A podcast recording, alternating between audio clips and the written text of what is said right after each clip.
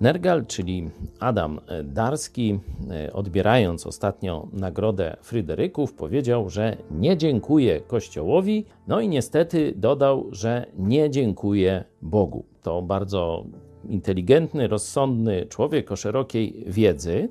No ale tutaj niestety wprowadził wielu swoich e, fanów e, w wielki błąd. Także, panie Adamie, Jezus nie akceptuje tego, co przedstawia się dzisiaj jako jego kościół, czyli biskupów, księży, kleru, tego całego przepychu, zakłamania, obłudy i tak. Na pewno zna pan Nowy Testament. Mm, oczywiście nie mówię o tym podartym, tylko y, wiem, że czyta pan Nowy Testament.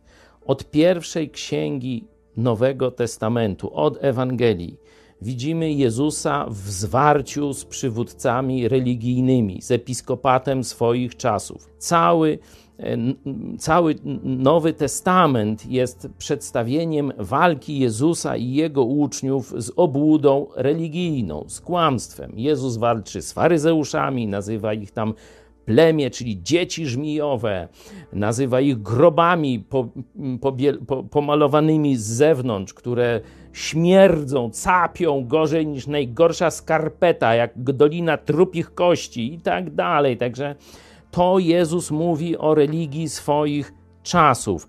Kiedy byśmy przeskoczyli do ostatniej księgi Biblii, księga Apokalipsa, 17 rozdział, to sam Jezus mówi: wielka wszetecznica, wielka K, wielka prostytutka. I mówi to organizacji religijnej, która sprzedaje się rządzącym, a ma swoją centralę w mieście na siedmiu wzgórzach, czyli w Rzymie od początku do końca Nowego Testamentu Jezus walczy z obłudą religijną. Proszę nie robić młodym ludziom wody z mózgu i nie łączyć Boga, Jezusa Chrystusa z tym, co oni widzą jako Kościół.